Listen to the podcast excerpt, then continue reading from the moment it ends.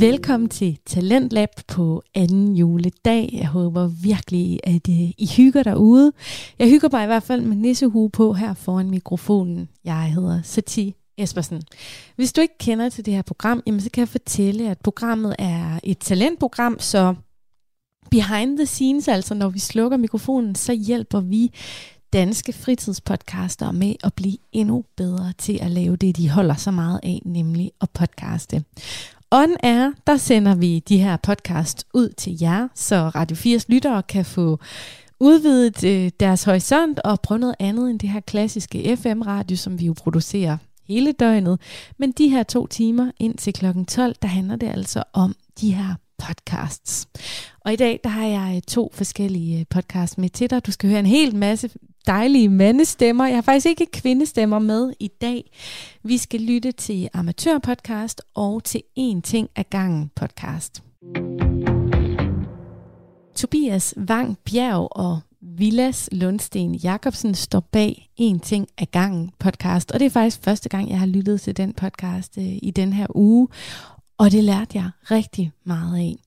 Den her episode, den handler om øh, DNA, og den hedder Forbryderens værste fjende, fordi DNA jo engang i 80'erne blev en del af politiets øh, værktøjskasse, sådan at de kunne afsløre for eksempel en øh, grum morder. Tobias og Vilas, de er formidlere fra Science Museerne i Aarhus, og de har en stor passion for naturvidenskab, og øh, jeg synes, det er mega fedt, at man kan lytte til en podcast, eller gå til et oplæg på uni om biologi, men du kan faktisk lære nærmest lige meget. Fordi hvis det er dygtige mennesker, der sidder bag mikrofonen, så skal du nok få noget med dig, og det er det her fra øh, En ting ad gangen podcast i dag. Ja, ja, men det er det der med, at vi leder efter en person, der har en grå trøje, mange har grå trøjer, og han har blå sko, okay, så, så ja. og han har tre ører. Okay, så rører det hele. jeg mener. Og han snakker med ja, nordjysk accent. Præcis. Og, altså, ja. Præcis, jo flere krav du stiller, jamen jo flere udelukker du. Ja, lige så præcis. det er jo lidt noget af det, så jo flere sekvenser du kigger på, øh, jo flere øh, udelukker du. Når vi har lyttet til en ting ad gangen, så skal vi lytte til Amatør. Det er også en ny yndlingspodcast for mig. Rune Buk og Søren Jørgensen står bag. De bor begge to på Fyn, den ene i Nyborg, den anden i Ringe, og det er en speciel udsendelse i dag, fordi Søren har taget sin mand med på arbejde. Den her episode, den hedder Troels side af sagen. Det har jo været sådan, at øh, Søren, som jo er podcastverden, har delt en masse om huskøb og indretning og de konflikter, man måske også kan have, når det er, man køber hus sammen. Men nu får Troels, Sørens mand, lov til at dele sin side af sagen. Og Troels har rigtig mange gode historier med til dig i dag? Den stod, okay. Jeg tror, den stod til enten 1,2 eller 1,5. Okay. Nej, undskyld, 1,2 eller 1 million 150.000. Shit, mand. Det var dengang, man kunne købe det. ja, det var, og det var mange ja, det var penge dengang. og, øhm, og så bød jeg 1 million og 50.000, fordi det havde min bank sagt, at det, det, det kan du godt uden at... Der, vi skal sådan diskutere alt for meget om det. Ja. Jeg ved ikke, om det er bare, fordi jeg selv er ny husejer, men jeg synes, det er dybt interessant, hvad Troels han deler her om, dengang han købte en lejlighed i København på Østerbro.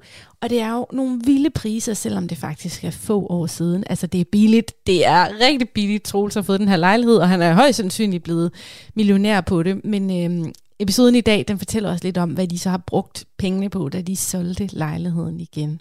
Så der er masser af godt på menuen her til aften i Talentlab, og vi lægger ud med En ting ad gangen podcast, DNA, forbryderens værste fjende.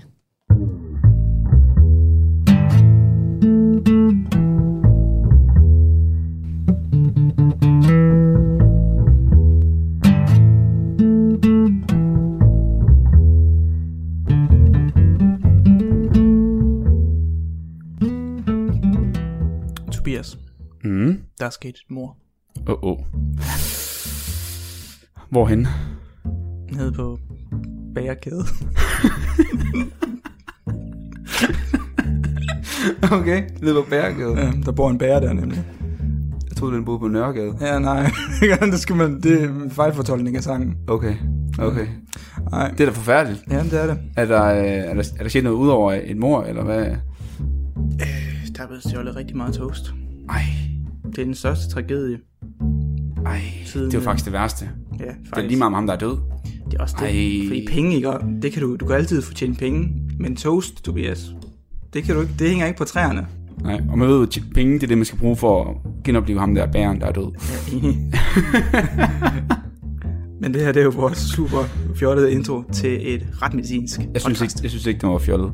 Nej, okay, så, så er du nok enig om den holdning. Ja, det er nok. vi taler om retsmedicin. Ja, det synes jeg. Og vi, øh, vores øh, vinkel, som folk godt kan høre, det er, der, der, der skal opklares mor. Bæren på bærekæde. Ja. Som får stjålet Bæren på bærekæde, der er stjålet til toast. Ja, det skal opklares. Ja. Og vi har jo i moderne verden utrolig mange redskaber til at gøre det med. Det har vi. Og det er nogle af de her, øh, de her værktøjer, vi skal tale om i dag. Yes. Kan du uddybe lidt på, hvad, ja. hvad kommer til indholdet? Det er præcis, fordi øh, man kan selvfølgelig sige, at hvis man er politibetjent eller detektiv af en anden art, så har man selvfølgelig mange forskellige ting at gøre godt med, men hvis vi skal være, være lidt mere inden for min verden, så arbejder man rigtig meget med DNA, og der er nok rigtig mange, der har hørt, at man har fundet nogle DNA-beviser, øh, nogle spor af DNA på en anden gerningssted, og så har man så fundet ud af, at det her DNA tilhører en anden person, øh, som så er gerningsmanden, øh, fordi det kun kan øh, tilhøre personen, der har slået den anden person ihjel, for eksempel. Mm. Og så tænker jeg, det kunne være interessant at snakke om, hvordan i alverden matcher man egentlig DNA med andet DNA? Hvordan kan man undersøge, om det her DNA tilhører en anden person, osv.? Øhm, så det, det er der i hvert fald en masse sjovt at snakke om, øh, for det er ret interessant, den måde, man gør det på. Og det er ikke noget, som har været brugt særlig længe, faktisk. Det er først øh, siden 1986. Før det der brugte man ikke DNA ja. til noget som helst, så det er relativt nyt øh, stadigvæk. Øhm, Okay. Så, øh, så det er det, vi skal snakke om i dag i vores hvad, podcast. Hvad du 18 hvad? 86? Nej, nej, nej, ikke, ikke 18. 19, no. 19, 1986. Okay, men det er fordi, jeg tænker, når du tænker 1800-tallet, så tænker jeg på Jack the Ripper. Ja, nej, nej, nej, nej. Der havde man ikke DNA. Nej, nej, okay. nej, nej, nej. 1986. 1986, er det ret sent? Ja. Men, øh, men det er det, det kommer til at handle om?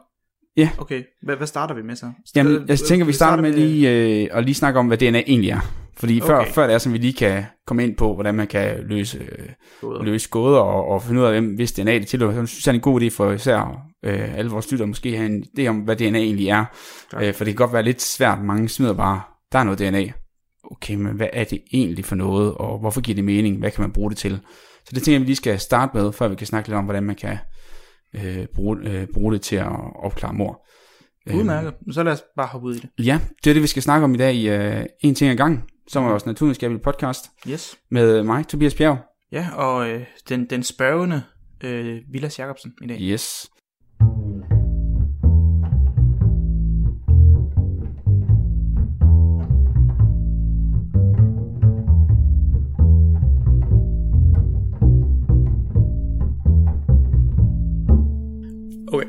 Så vi skal starte med at finde ud af, hvad DNA er.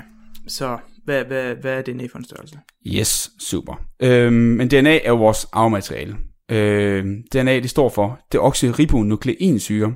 Okay. Øh, og det giver jo måske ikke så meget mening, fordi det er DNA, men det er så fordi syre på engelsk er acid. Oh, okay. Så derfor hedder det øh, deoxyribonucleic acid øh, på engelsk.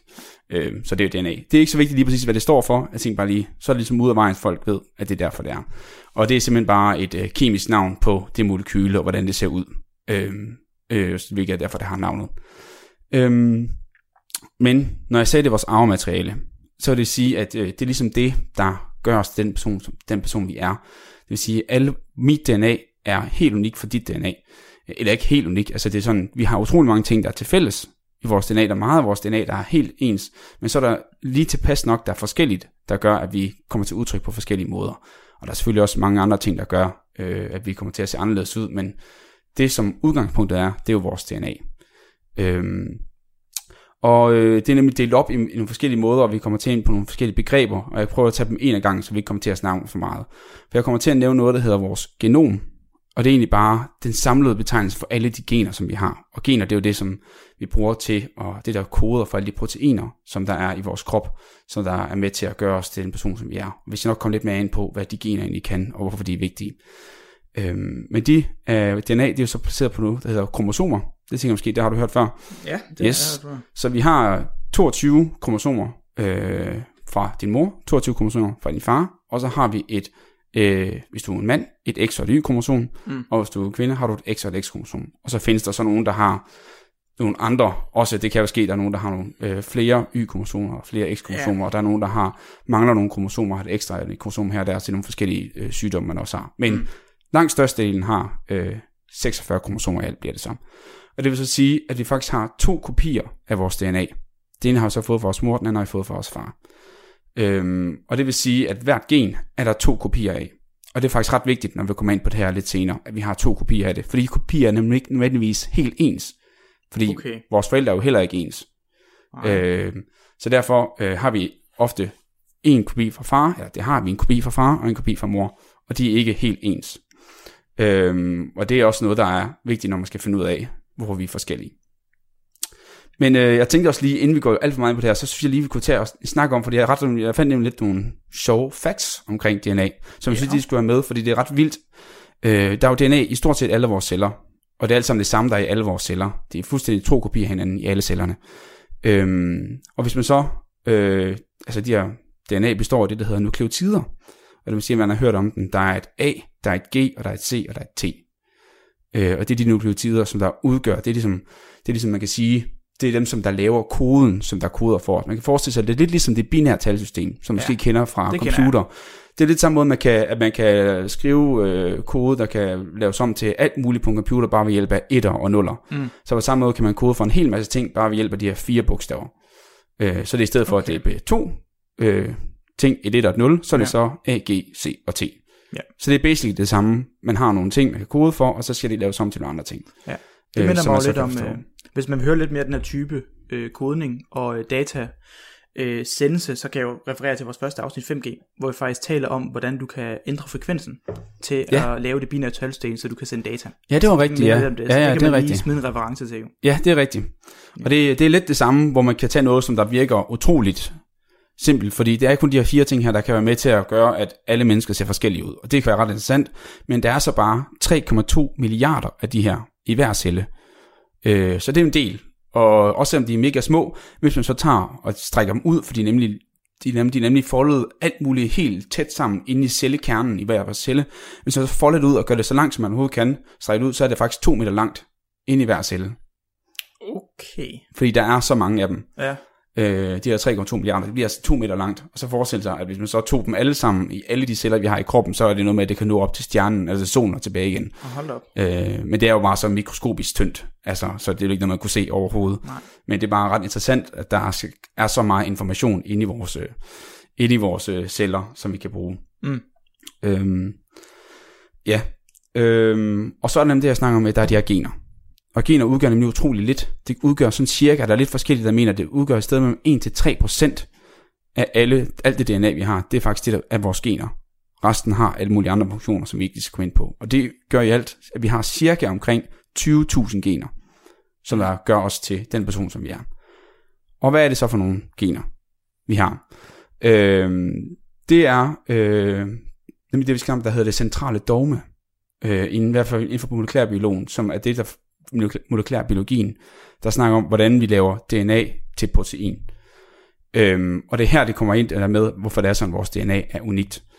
Øhm, jeg kommer ikke til at snakke så meget om det, øh, præcis hvordan det, det foregår, men det der kodning, det er, at man skal forestille sig, at DNA'et, det er i, øh, i, i lange rækker. Altså det der, så er der et A, så er der et A, så er der et T, så er der et T, så er der et C, så er der et A, så er der C, så er der et T, og så fortsætter det bare i mange, mange tusindvis. Og det sammen udgør en bestemt række, så et bestemt gen. Når man så skal oversætte det her, for det vil vi snakke om, vi skal oversætte det fra noget, som man ikke forstår, til noget, man godt kan forstå. Og det, man oversætter til, det er så det, der hedder proteiner. Ja. Yeah. Og det er jo det, som vi også har snakket om sidste gang, man også skal have proteiner, når man indtager nogle ting og sager. Men man skal også have proteiner øh, til at opbygge alt i kroppen. Så for eksempel nogle af de proteiner, man måske kender, det kan være insulin, som man måske kender fra, som er problematisk i folk med diabetes. Ja. Og så noget kollagen, som der også er noget, man måske har hørt om, der er mange hårprodukter, sådan noget. det er noget, der er rigtig vigtigt for, for vores hud, og det samme med, øh, man kan sige, der er keratin også, som også er en vigtig del af vores hud og vores hår. Øhm, og alle sådan nogle, hvis du kan huske, vi havde den der med, hvordan man dannede energi, altså det der med, hvordan man nedbrød øh, næring til, øh, til energi, der havde vi øh, også øh, alle de enzymer, der er der, der er med til at gøre alt det her, alt, alt det, der er med til at lave alle de her processer, alle de pumper, vi snakker om, det er også alle sammen proteiner. Og de er jo med til at nemlig lave alle de her processer her. Så alle processer, der foregår i kroppen, det ligesom bliver gjort af de her proteiner. Så derfor er de ekstremt vigtige for alle vores processer. Øhm, og øh, man kan ligesom forestille sig om, at, at hvis vi forestiller sig vores krop som et kæmpe stort hus, en kæmpe stor bygning, så proteinerne er alle de arbejdere, der har bygget bygningerne. Okay. Så det er ret essentielt, og det er noget, der er især vigtigt, når man vokser op, og, og sådan nogle ting, altså at man mm. ligesom har nogen, der kan hjælpe med at bygge op og sådan noget. Ja, klart. Øhm, og så er det selvfølgelig også med til at lave maintenance, øh, vedligeholdelse af kroppen ja. undervejs, ikke? Ja, det er jo lige så øh, meget, hvis der er noget, der går i stykker, der skal genopbygges. Lige præcis, ja. lige præcis. Øh, så også alt det med antistoffer for eksempel, det er også mm. protein, øh, antistoffer, som bliver produceret, så man kan hjælpe med at bekæmpe sygdomme. Så okay. det, er, det er alle mulige steder, nu er bare ja. nogle eksempler. Men øh, sådan som det fungerer, det er så, at øh, det her DNA, det ligger nemlig i, i koder af tre, så man kan have for eksempel A, G og C lige efter hinanden. Det koder så for en bestemt aminosyre. Og hvis mm. kan huske fra det, vi snakkede om sidst, så er de der 20 forskellige aminosyre, og når vi havde en kæde af de aminosyre, så bliver det så til et protein, der folder sig på bestemte måder. Ja. Øh, men hvis man nu lige laver noget hurtig matematik, så hvis man skal tænke, at vi har fire forskellige bogstaver, hvor mange, øh, hvor mange øh, rækkefølger af tre kan man så lave med dem? Der kan man lave øh, hedder det, fire opløftet i tredje, det vil sige 64 muligheder. Mm. Og det er jo lidt mere end de der 20 aminosyre. Ja. Så det vil sige, at der er flere, altså en aminosyre kan have fire forskellige koder, der er koder for det samme aminosyre. Mm.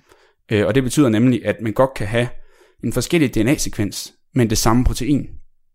Og det er derfor, at vi nemlig har mennesker, som har forskellige DNA-sekvens, mm. men de er ikke nødvendigvis syge, fordi vi kan stadig lave de samme proteiner. Okay. Fordi de kan godt være forskellige, så man kan ikke bare se ud fra folks proteiner, at man er forskellige. Nej. Men det kan man se ud fra DNA-sekvensen. Okay. Fordi den kan oversættes på flere forskellige måder. Så det kan være, at AGC og et AGT, begge to giver samme aminosyre. Så når man kigger på aminosyrene, kan man ikke se, at man er forskellig, men det kan man på DNA-niveau. Mm, okay, okay, okay. Og det er der, de der små forskelle opstår mellem mennesker, som man kan bruge til at se, at der er forskel på os. Klart. Så det er jo lidt et, lidt et sidestykke for at komme ind på, hvorfor der egentlig er en, mm. en forskel på mennesker. Ja. Og de her små for, forskelle, øhm, det er dem, som man så bruger blandt andet til, når vi skal finde ud af, øh, hvor man kommer fra, eller hvis du har nogensinde hørt de der 23andMe, hvor man mm. finder ud af, hvor, er du er rent dansk, har du nogen, har nogle øh, gener fra USA, eller fra Asien, eller Mellemøsten, ja. eller hvor nu er, sådan, så kan man finde ud af sådan nogle ting, Jamen, Sådan en gav jeg faktisk øh, min, min far til ja. julegave, så skulle lave sådan en swap-test, øh, så havde de indsendt noget, noget DNA ind, og ja. så fik vi sådan en lang rapport tilbage, hvor man kunne se, hvordan han stammede fra forskellige dele af verden. Ja. Det viser bare, at han var primært rimelig meget Danmark. Nå, det, var ja. sådan, det var ikke sådan, at man håber, uh, måske der er noget for Indien. Det er sådan, ja. nej, det var sådan ja, ja. Sønderland og Tyskland. Nå, det var sgu, ja, ja. det var det blev til. Men, men det er netop det, at fordi man så har lavet en masse undersøgelser på en masse mennesker, hvor man yes. har undersøgt de her små enkelte, de hedder så øh, SNP'er, som står for Single Nucleotide Polymorphism som er sådan en single nucleotide, det er bare en nukleotid, som jeg snakkede om, øh, og så polymorphism, det betyder, at der er mange forskellige, at der findes nogen, der ikke er ens med alle mennesker. Mm. Der er nogen, der stort set er ens med alle mennesker, og så er der nogen, der varierer i stedet mellem, øh, sted mellem 1% af menneskerne, der er den forskellige. Mm. Og ved at have mange af dem, så kan man så se, og det findes kun, stort set kun i de her befolknings øh, fra Tyskland eller et eller andet, eller fra Sønderjylland. Der er mange der, fordi folk ofte opfører sig, øh, bliver i de samme områder, og dermed kan man bruge det til det. Øhm, og, øh, og det er så det, man bruger til at finde ud af, øh, hvad er forskellige. Og der er sådan cirka en af de her, der er forskellige af 1000 nukleotider, og det svarer til, at der er omkring 4 til altså 5 millioner af dem her, der er forskellige fra person til person. Øhm, så det er alligevel en del, men ikke mm. særlig meget ud af 3,2 milliarder. Nej. Så det er den lille bitte del, som man egentlig kigger efter, når man kigger på, om der er forskel på folk. Ja. Og det er så det, de små forskelle, vi skal bruge til at kunne ja. i retsmedicinen finde ud af, hvem har været på gerningsstedet, og hvem har ikke været på gerningsstedet. Ja, det er, det, det er nemlig en af slags af de her ting, der er forskellige, men det er ikke lige præcis dem her, for det kan være Nej. lidt svært at opdage, for det er kun en ud af en kæmpe lang streng, det kan være svært. Okay. Men der er nogle steder, hvor der også er noget af det, der hedder repeats, så det vil sige, at der er nogle af de samme... Sekvenser, øh, der gentager sig. Ja, lige præcis efter hinanden. Så kan der fx være fire nukleotider efter hinanden, der gentager sig. Det kan være AGCT, og så er der AGCT, AGCT, AGCT, og så gentager det sig måske 15 gange. Hos mig, men hos dig gentager det sig 17 gange. Nå, så man kigger efter sådan de her se- sekvensgentagelser, øh, og de vil så yes. være forskellige ja. øh, fra person til person. Og der er det med rigtig vigtigt at sige, at den du har fra din mor, den du har fra din far, er højst sandsynligt ikke den samme. Så det kan være, at den fra din mor, der har du din mors kromosom, der har du 15, og fra din far har du 17.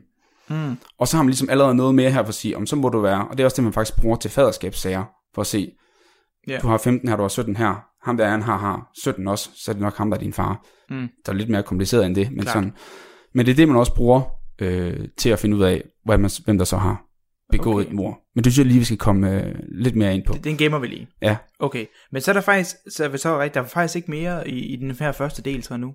Nej. Er vi egentlig klar til nu at kigge på, hvordan bruger man så den her viden? Jo, altså synes, gav det mening? Ja, ja, Ja, okay, fedt. det synes jeg.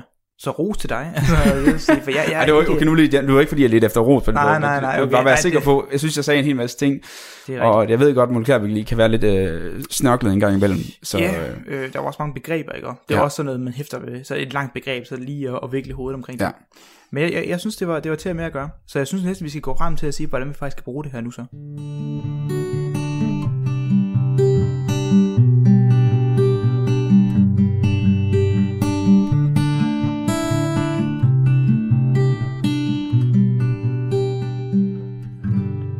Tobias, yes, du befinder dig nu i et mailet lokale.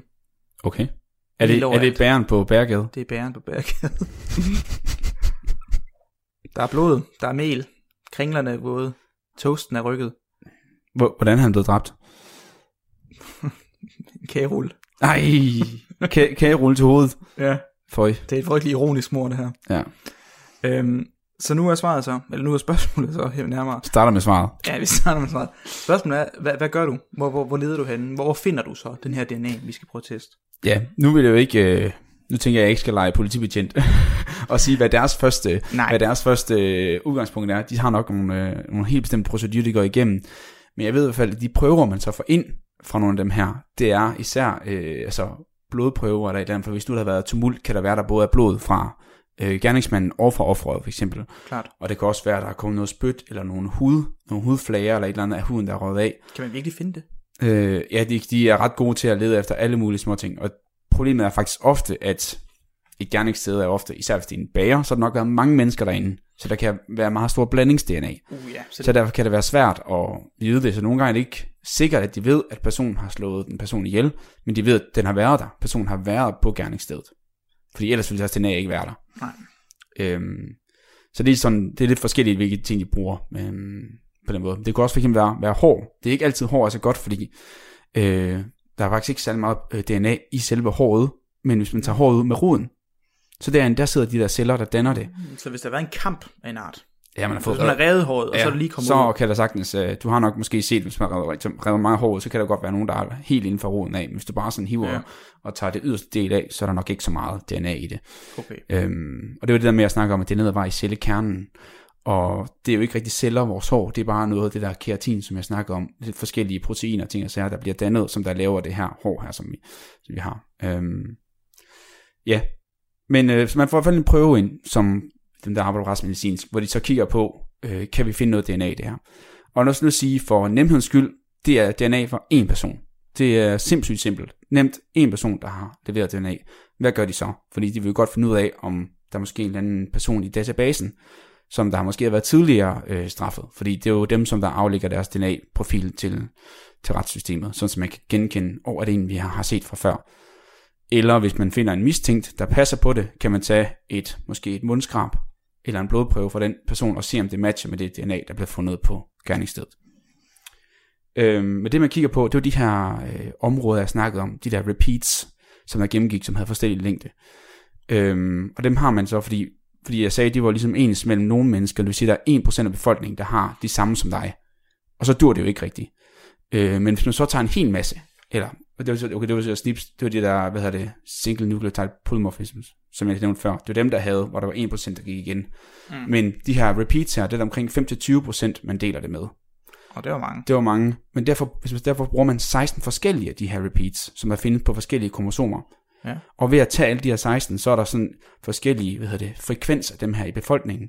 Og så kan man gange den her frekvens, at de optræder i befolkningen med hinanden, mm. fordi at de er uafhængige af hinanden. Det er sådan noget sandsynlighedsregning og sådan Yes. noget, ikke? yes. Øh, så fordi de er uafhængige af hinanden, så får man en sindssygt lav sandsynlighed for, hvis man har et match på alle sammen, alle 16, Ja. at det er den samme, at den kan komme fra en helt random person. Det er sådan noget, altså over 10-25 Mm. øh, sandsynlighed for, at det er en anden person. Ja, ja, men det er det der Øhm. med, at vi leder efter en person, der har en grå trøje, mange har grå trøjer, og han har blå sko, okay, så Ja. simpelthen, og han har tre ører. Okay, så rød det hele.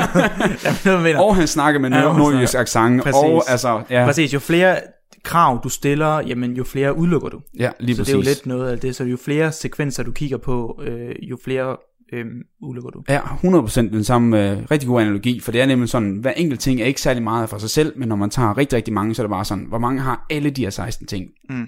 Det er der meget lille sandsynlighed for. Og her snakker vi selvfølgelig folk, der ikke er i familie med dig. Fordi der er der noget større sandsynlighed for, at de har det. Så man snakker om en person, der ikke er i familie med dig. Altså en helt fremmed person. Øh, så man får sådan en helt vild øh, lav sandsynlighed, og så er der en hel masse ting, man bruger i, i retten for, hvordan man så kan vide, om det så passer eller ej. Men det synes jeg ikke er så vigtigt for den her snak her. Øhm, øhm, og det er jo egentlig bare sådan, bare bare, det er sådan set bare det, man gør. Øh, og, og jeg, sige, jeg vil godt det måske bare lige hurtigt gå ind på, hvordan man laver den her undersøgelse. Fordi det man gør, det er, at man tager det der DNA, og man har ofte meget lidt. Nogle gange har man bare en lille smule sød, øh, en lille smule spyt, eller en lille smule blod. Det er jo ikke meget DNA, der er i det der.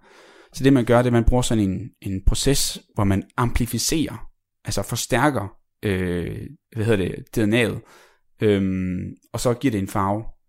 En farve? Øh, ja, det er ikke en direkte en farve, det er en farve, der lyser op, når man så øh, lyser på det, så det sådan fluorescerer, eller giver sådan selvlysende tilbage. Øhm, så det man gør, det er nemlig noget, det er proces, der hedder PCR, øh, som er en molekylærbiologisk proces, som er sindssygt vigtig, fordi det man kan gøre, det er, at man kan få noget, der er meget, meget lille, til at blive meget, meget stort. Så hvis man har en eller anden DNA-sekvens af de her gentagelser, så putter man en, det, der hedder en primer, den kan binde til øh, det DNA-sekvens, der er man til, som der kan, der kan binde til, og så kan man så øh, kopiere den her DNA-streng igen og igen og igen. Øhm, og hver gang man kopierer den her DNA-streng, så bliver, den, så bliver der dobbelt så mange af den. Så man kopierer den en gang, så tager man den fra hinanden, de her DNA-strenge, så kopierer man den igen, så er der dobbelt så mange igen.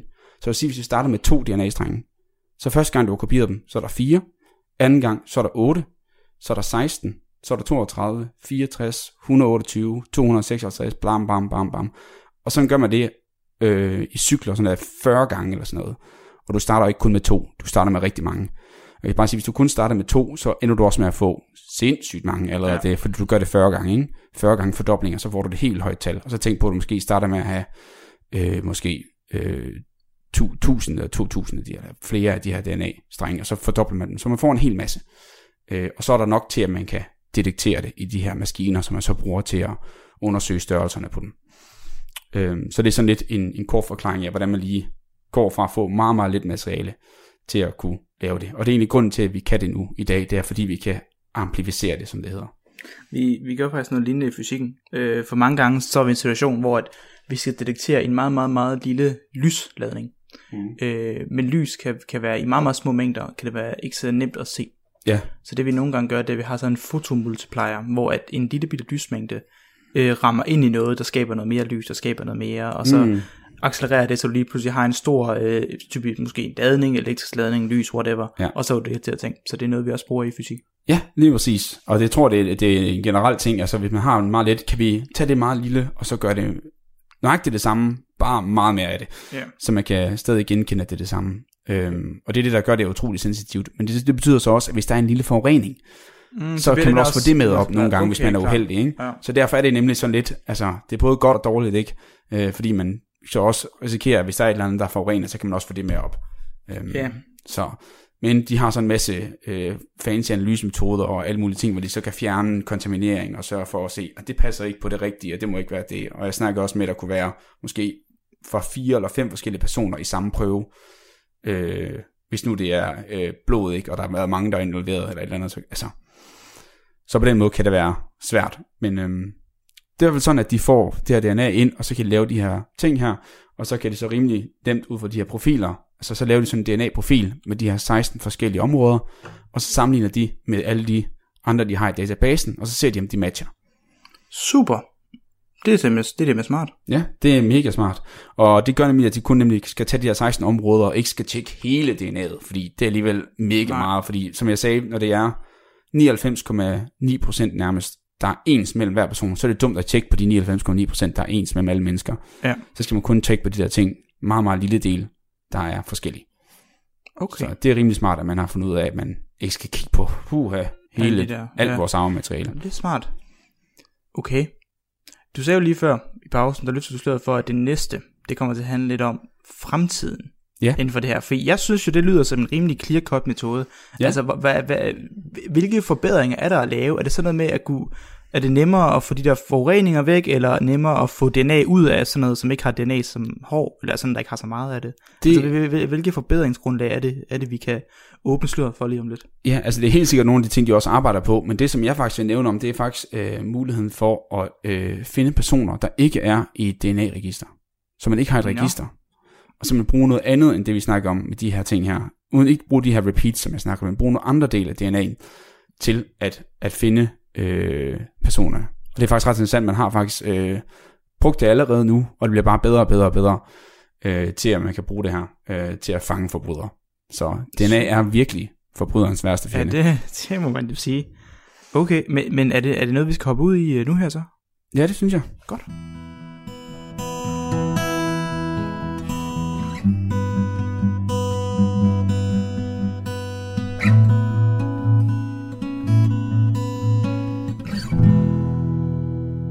Okay, så øh, du spurgte lige før lidt om, hvad der skulle, hvad der var i fremtiden, og hvad, hvad man kan af sådan ting ud over det her DNA-register. For det har man kun siden 86.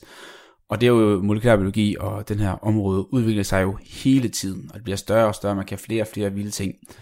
Øhm, og øh, i takt med, at vi har sekventeret vores genom, altså alt vores DNA, og fundet ud af, hvordan det menneskelige DNA ser ud, og at man har øh, og vi ved mere og mere, hvad vores gener gør, og hvad det er for eksempel det der med, at der er nogle gener, der har noget at gøre med vores øjenfarve, nogle der har noget med hudfarven at gøre, og højden, og man mener også, at man har en forståelse for nogle gener, der har noget med IQ at gøre, og forskellige ting at sige. Man bliver klogere og klogere på nogle gener, der har noget med forskellige ting at gøre, og man gør jo rigtig meget især, hvilke gener har noget med øh, sygdom at gøre. Og det er de her små 1% her, jeg snakker om, der er forskellen på os, der man siger, at hvis du har de her ændringer i de her ting her, så er der en sandsynlighed for, at du måske er større sandsynlighed for at få en eller anden udviklet diabetes, eller udvikle den her kraftform.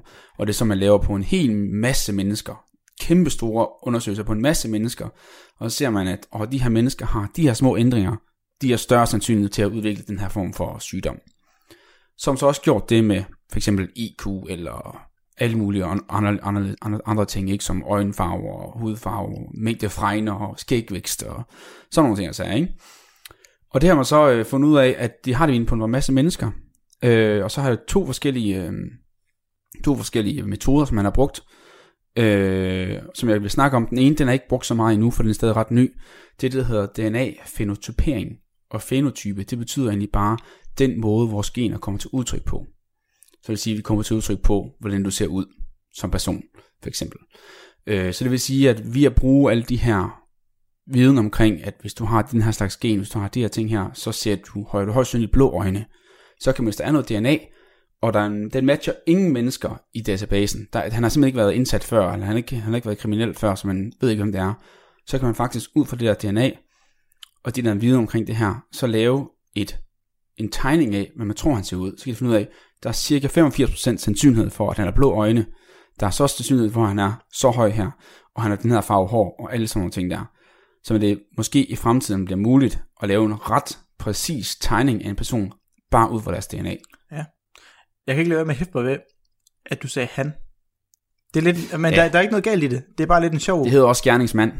Det er rigtigt. Det er, men det ved jeg ikke. Jeg tror det, at jeg, jeg hørte hvis nogen snakker om, at grund til, at det hedder gerningsmand, er fordi, at størstedelen af dem, der begår øh, voldsforbrydelser, er mænd. Hmm. Øh, basically. Men ja. man skulle, skulle selvfølgelig sagt gerningsperson. Det var faktisk ikke for at klandre dig for det, for jeg tror egentlig, jeg selv ville have sagt det samme. Ja. Det, jeg kunne bare ikke lige lade være med at hæfte mig ved det. Ja, det kan godt være, at man skal prøve at være lidt mere 2020 her og sige, ja, kvinder kan også begå mor. Det er rigtigt. Det skal vi ikke glemme, ikke? Nej. De skal ikke slippe. Kvinder kan også være uhyre. det er ikke kun mænd, der er uhyre. Nej. Nå, men det, det var, var, det var et tidsspring.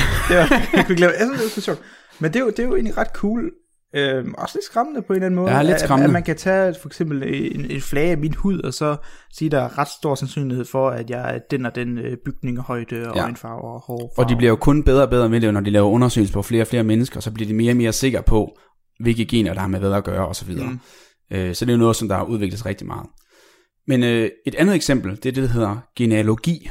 Jeg ved ikke helt, hvordan man udtaler det på dansk, for jeg har faktisk kun hørt det på engelsk, og læst om det på engelsk. Men øh, Det er heller ikke så vigtigt, men det er, hvor man laver et, øh, noget slægtsforskning øh, ud fra DNA. Øh, awesome. Øh, og det er noget, man har faktisk har brugt i en ret vild sag i USA. Jeg ved ikke, har du nogensinde hørt om The Golden State Killer? Siger det mm, noget? Nej.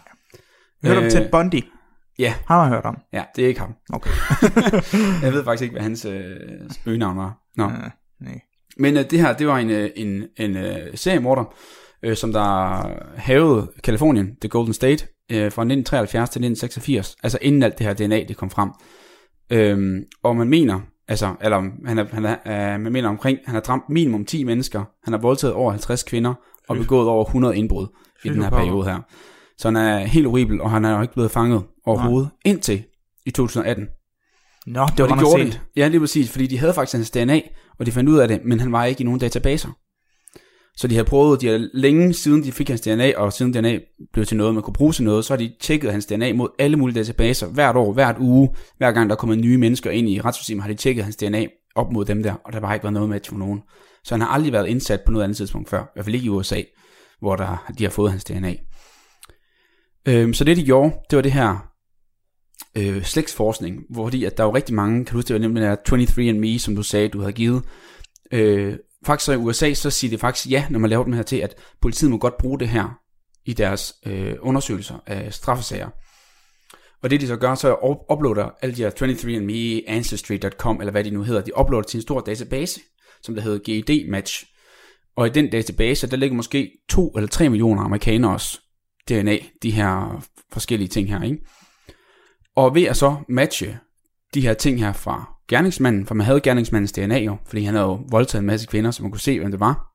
Øh, øh, så havde de jo hans DNA, og så kunne de matche det, så kunne de se, om der var nogen, om han var i familie med nogen, der var i den her database af 3 millioner mennesker. Mm. Og så fandt man, jeg ved ikke, hvor mange det var, over flere, mere end 10 øh, grandfædre, eller grandkusiner, altså nogen, der var i distant relation med ham.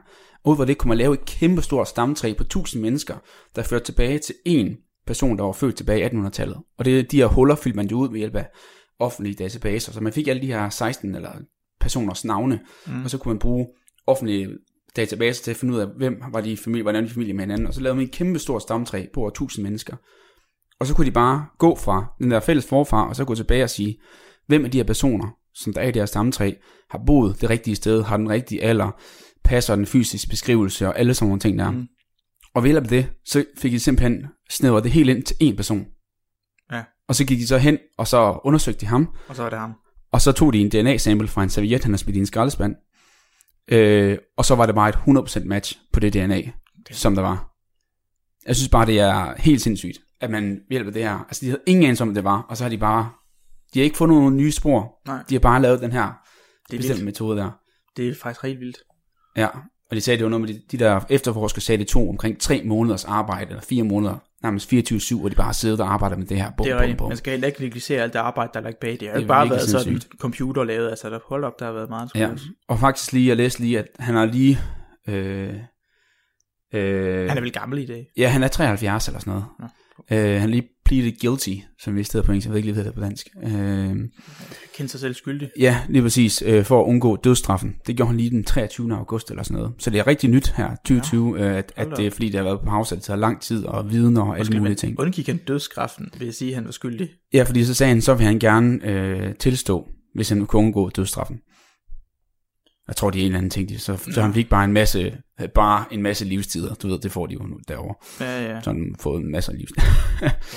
ja, men det er stadig ret vildt, sindssygt nyt, ikke? at det har gjort, at det har simpelthen taget så mange år. Altså han har været ja. på fri fod. Han har bare levet et stille liv fra 1986, hvor han bare har... Altså...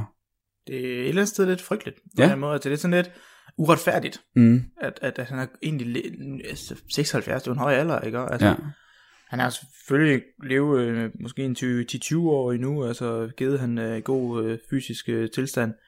Men det er sådan lidt, man føler lidt, han slapper sted med det jo på en eller anden Ja, det tror jeg også mange. Han er så gammel, og så bliver først fanget der, så altså, ja.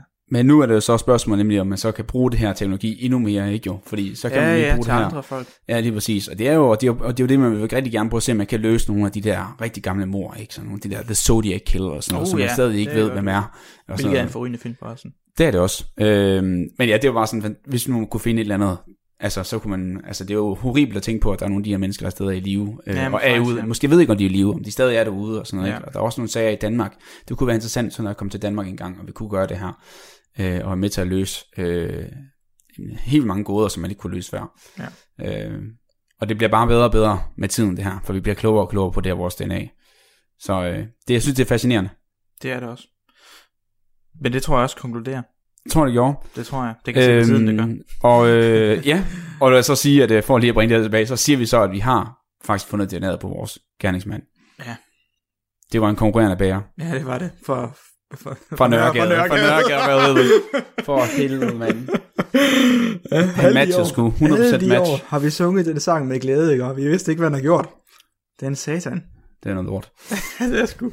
Og på den bedre afslutning, så tror vi sagt på i dag. ja. Og som altid opfordrer vi til at kontakte os, hvis I har rettelser eller idéer til nye afsnit. Ja, eller et eller andet. Endelig. På Facebook eller på vores uh, e-mail.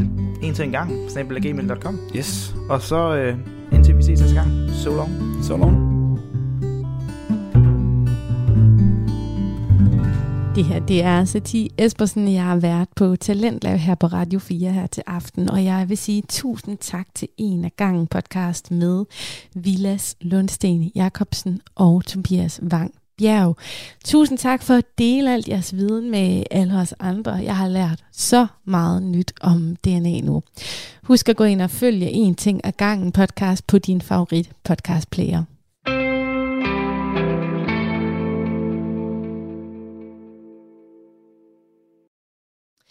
Nu skal vi lytte til Amatørpodcast, som er en podcast om voksenlivet, om det at have et øh, hus, om huskøb, om øh, renoveringsprojekter, om indretning og også rigtig meget bare indretning af ens liv. Men det er jo også, det hænger lidt sammen, ikke? Sådan som man bor og sådan som man lever. Værterne på Amatørpodcast er Rune Buk og Søren Jørgensen, og i dag er Sørens husbund med, nemlig Troels, og episoden hedder Troels side af sagen. Du lytter til Amatør. En podcast om at gøre det selv, gøre det rigtige og ikke mindst blive voksen. Vi tager dig igennem vores erfaringer med boligkøb, banker, byggeprojekter og alle de følelser, der følger med. Vi giver dig vores tips og tricks og deler historier om bump på vejen og alle de fantastiske succesoplevelser. Hvad der er rigtigt og forkert, ved vi ikke, men her er vores erfaringer.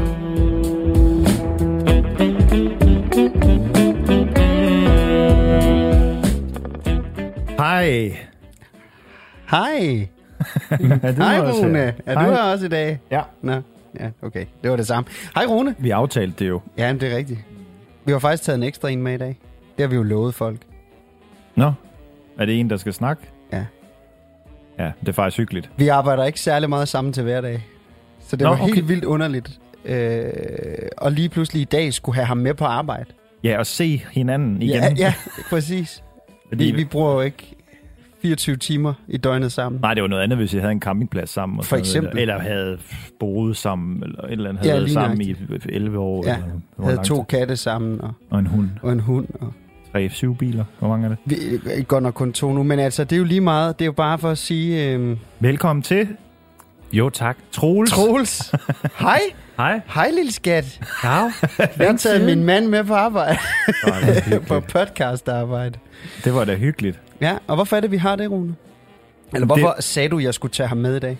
Det var faktisk, fordi du bare sidder og ævler og ævler om, hvad du kan, og hvad, hvordan Troels opfører sig, og hvordan I er blevet enige om, om huskøb og byggeri og alt muligt, så tænker man bare, nu bliver vi simpelthen nødt til at høre det fra Troels' side også. Om det er overhovedet rigtigt. Backstage, hvordan ja, det foregår rigtigt. det egentlig? Ja, det passer ja. ikke noget af det. Jeg kan lige så godt sige det med det samme. Det passer ikke noget af det, jeg har sagt. Men Troels, øh, du skulle ikke overtale særlig meget for at komme, eller hvad? Ja. Jo, ah, ja, nej, nej, nej, nej. Altså, jeg blev nødt til at sige, at jeg beordrede dig en lille smule. Ikke? Lidt. Jeg Nå. sagde, du skal med på torsdag. Ja. Så sagde jeg Troels, jamen, der, der, der er ikke noget jamen. Nej, men du det... skal med på torsdag. det er hyggeligt. Men jeg er glad for at være her. Tak skal og vi er også virkelig glade for, at du er her, faktisk. Hvor lang tid har I egentlig været øh, sammen, Troels? Det må være siden 12, og nu er vi 21, så længe nok. Og jeg har ikke holdt nogen pauser? Nej. Nej. Og jeg tror, der har været en uges tid. To uger, tror jeg, vi har været op på, at vi ikke lige har boet sammen, da du var i Præstrup. Da Nå, du forlod jamen, mig til Præstrup. boede der sammen. I var jo sammen, forholdet fungerede. Altså, ja, ja, ikke, jo, jo. Eller hvad? Så er der da noget, jeg kunne glip af, fordi Jamen, der var ja, der ja, masser ja, jeg holdt pause. Nå, okay. Nå, okay, jeg troede, vi blev enige om, jeg måtte... Nå, Nå okay, nå, okay, fair nok. Ej, men det er jeg... derfor, der var så mange unge knaller der omkring huset, da jeg kom ja, hjem. Nå, ja. okay. Nå. Jeg sagde til dem, de skulle bare køre videre, når du var kommet hjem. Jamen, jeg har faktisk tænkt over noget, og det er, altså vi skal selvfølgelig snakke om, hvordan I øh, fandt jeres øh, hus, og, og hvad jeg ved igennem af ombygning og, dr- og drømme sammen, og økonomi og sådan noget. Skulle vi ikke prøve bare at sige, at det ikke var mig? Kunne det være sjovt bare at sige... Vi, vi, du, du, du må godt kommentere lidt. Ja, ja, men altså, det, det er bare Troels. Jo. Du prøver, fordi jeg kan hurtigt snakke. Men jeg har faktisk en lille ting, en sjov ting, jeg kom til at tænke på i dag, fordi vi, vi alle tre her har, har boet i Storby, eller hvad hedder det, København, ja. og flyttet ud til, hvor kraven er venner, som vi siger. Ja. Øhm, og så tænker jeg på sådan den der fordom om, med, med, altså, hvor, man, hvor man hurtigt kan sådan få en indikation af, hvor, hvor, hvor man er hen i landet, i forhold til, hvordan folk hilser nede i supermarkedet, og om kassedamen snakker. Kan, kan, I, kunne I, kan I, ja, for jeg kunne se tydelig forskel, og det er sådan noget, du ved, man hører. Ja, ja de snakker, giver sgu ikke at snakke over København, når Nej. man giver, køber en liter mælk.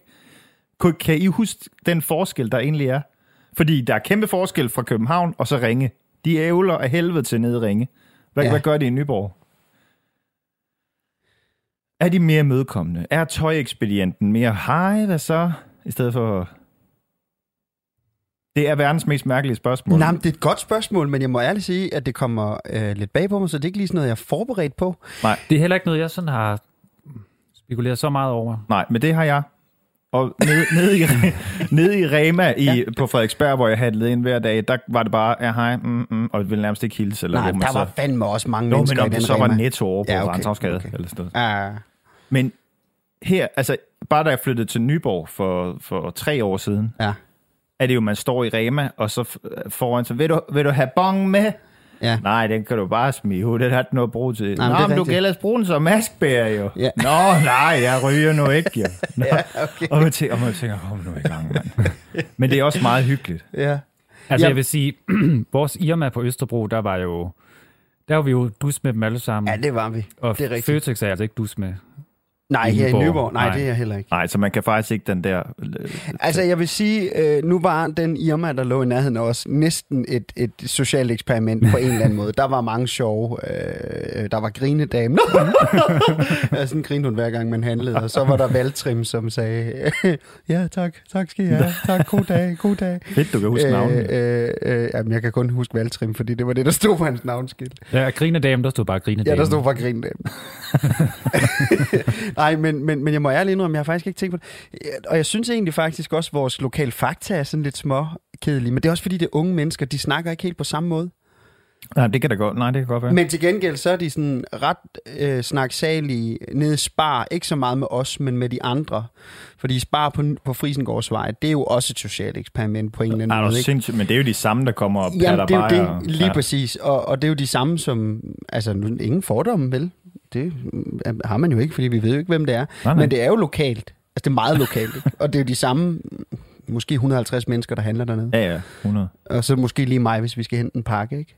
Ja. Er det ikke rigtigt? Jo, fuldstændig.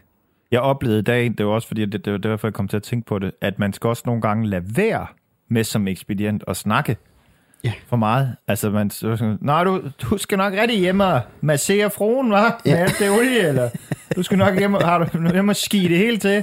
Du ved, det er jo ikke, man skal nogle gange, skal man, og der er en oppe i Ringe, super, i Søret, Superbrosen i Ringe. Ja. Hele, alle pensionister i Region Syddanmark ja. handler der klokken ja. 16 hver dag. Ja, genialt tidspunkt. Og det er pisse fedt for os andre ja. med børn og sådan Fordi noget. de har jo ikke haft hele dagen til nej, Nej, nej, nej. nej. Hvad fanden tænker du på? Ja, okay. Og så er der en, nej, så i dag så står jeg i kø, og hun snakker altid meget, og sådan, ja, jeg ved jo godt, du skal have bong med, sådan, ja, tak skal du have. Og, og så står der nogen foran en mor, og så bare en dreng med krykker på 13-14 år. Og så er det sådan, øh, hvad er der dog sket med dig, siger hun så. Jamen, jeg er, jeg er faktisk blevet kørt ned. Nå? det, ej, det skal du lade være med, så, siger hun så. Nej. Og så, nej, nej. Må, og så på en eller anden måde, så nej, I skal nok rigtig handle. Ja, det er til, det er til konfirmation, ja. Nå, ja, vi skal holde derhjemme. Hvor mange bliver I så? Ja, vi skulle have været, som moren siger, ja, vi skulle have været 66, men vi bliver kun syv, fordi han har sådan, fået sådan tryk på hjernen, så han ikke kan være sammen med så mange. Okay, det er også noget lige at stå og dele op i brug. Jo, jo, jo, det var begge veje. Ja. Men hun skulle også bare holde sin kæft inden ekspedienten. Ja, ja, præcis. Så sådan, Nå, ja, det var da også meget godt faktisk, men de syv. vi, men vi skal jo holde, vi bliver 29, og ved du hvad jeg glæder mig til? Jeg glæder mig til at se min kusine fra England, og hende har jeg ikke snakket med i to år. og så bare, nu holder du din kæft. Hvor er det sjovt. Så fra at gå fra Frederiksberg, hvor ingen snakker med hinanden, til at gå fra til Ringe, hvor, hvor man snakker faktisk lidt for meget. Ja. Det, man skal lige finde mellemvejen. Det kan være, at Nyborg faktisk er det. Jeg, måske, altså jeg vil ja. sige, at jeg, jeg er slem til det, når folk kommer ind. Det er også hyggeligt. Ja, snak. Ja. Det skal Ja. du sgu da også, det er din campingplads. Det er, ikke, det er ikke det, jeg mener. Nej, nej, men det er jo ikke fordi, på den måde, hvis folk kommer ind med krykker og, eller i Ja. ja. kørestol og sådan noget, så bør jeg jo ikke, hvad der er sket. Hvad så? altså, hvad er der sket med dig? Ja. Øh, sådan, ja, okay, det er godt. Nå, okay. nej, det gør jeg jo ikke, vel? ja. Hvad siger du? Hvad er det der skøre sprog, du har, var? Nej, det gør jeg jo Nej, det ikke. gør man ikke. Det gør man jo ikke. Nå, undskyld, Ja. sidespring, og det var lidt latterligt. Men det er jo et sjovt spørgsmål, ja. bortset fra det. ja. De er bare lidt fynsmarte, synes jeg, i Nyborg. Lidt for smarte, Ja. ekspedienterne i Også Nyborg. på Specielt Djævleøen. med, med tøj ind i tøjbutikkerne. Okay.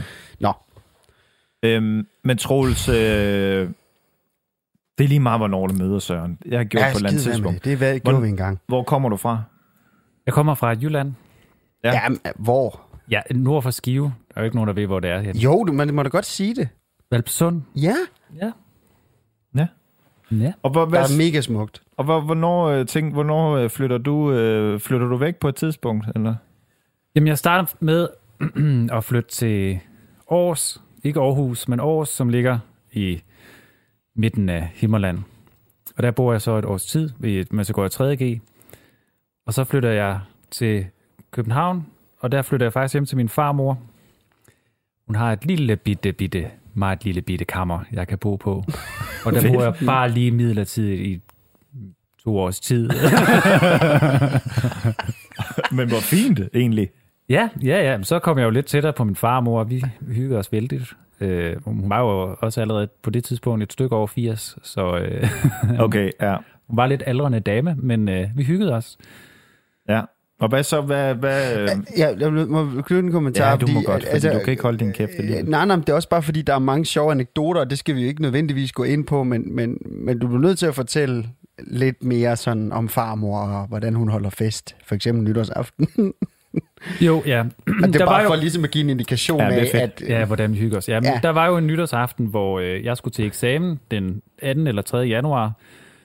Så jeg tænkte, jeg skal nok ikke øh, lige... Det er nok ikke lige i aften, jeg skal være alt for vild. Og jeg var faktisk heller, jeg er heller ikke så vild med fyrværkeri. Og så tænkte jeg, nej, så, så holder jeg bare en stille. Jeg holder hyggelig nytårsaften sammen med farmor, tænkte jeg, skide god For idé. de to. Ej, hvor Det hyggeligt. hyggeligt. Og øh, jeg havde jo også været på arbejde den 31. december indtil klokken 4 om eftermiddagen, tror jeg. Der arbejder Øh, du i Netto, ikke? Jo. Ja. Eller 3 eller 4, eller hvornår den lukkede. Øh, så gik jeg der. Så, så, så det passede mig fint. Altså, der var flere gode grunde til, at jeg ikke skulle mega meget i byen. Så øh, farmor, hun lavede lækker mad, og vi fik noget vin, og hun begyndte at fnise, og så klokken kvart over 10 gik farmor i seng. 22.5. Så vil jeg sige tak for jer. Så vil jeg til at finde lænerne.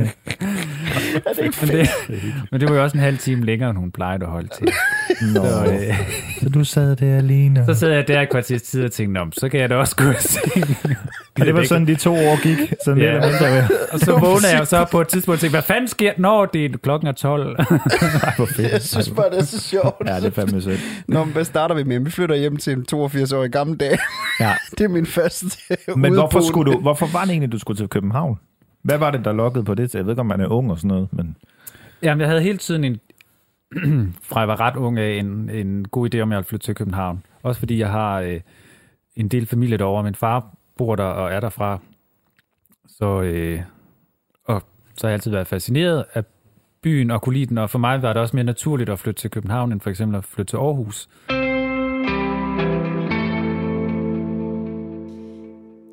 Du er på Radio 4, og øh, vi har lige lyttet til en episode af Amatørpodcast. Og bag den episode, der står Rune Buk og Søren Jørgensen. Og Søren har så taget sin husbund med i dag, hans mand Troels, og øh, den her episode, den hedder Troels side af sagen. Og jeg elsker den her episode. Jeg synes, der er så god stemning og gode historier, og jeg sender heldigvis resten af samtalen efter nyhederne.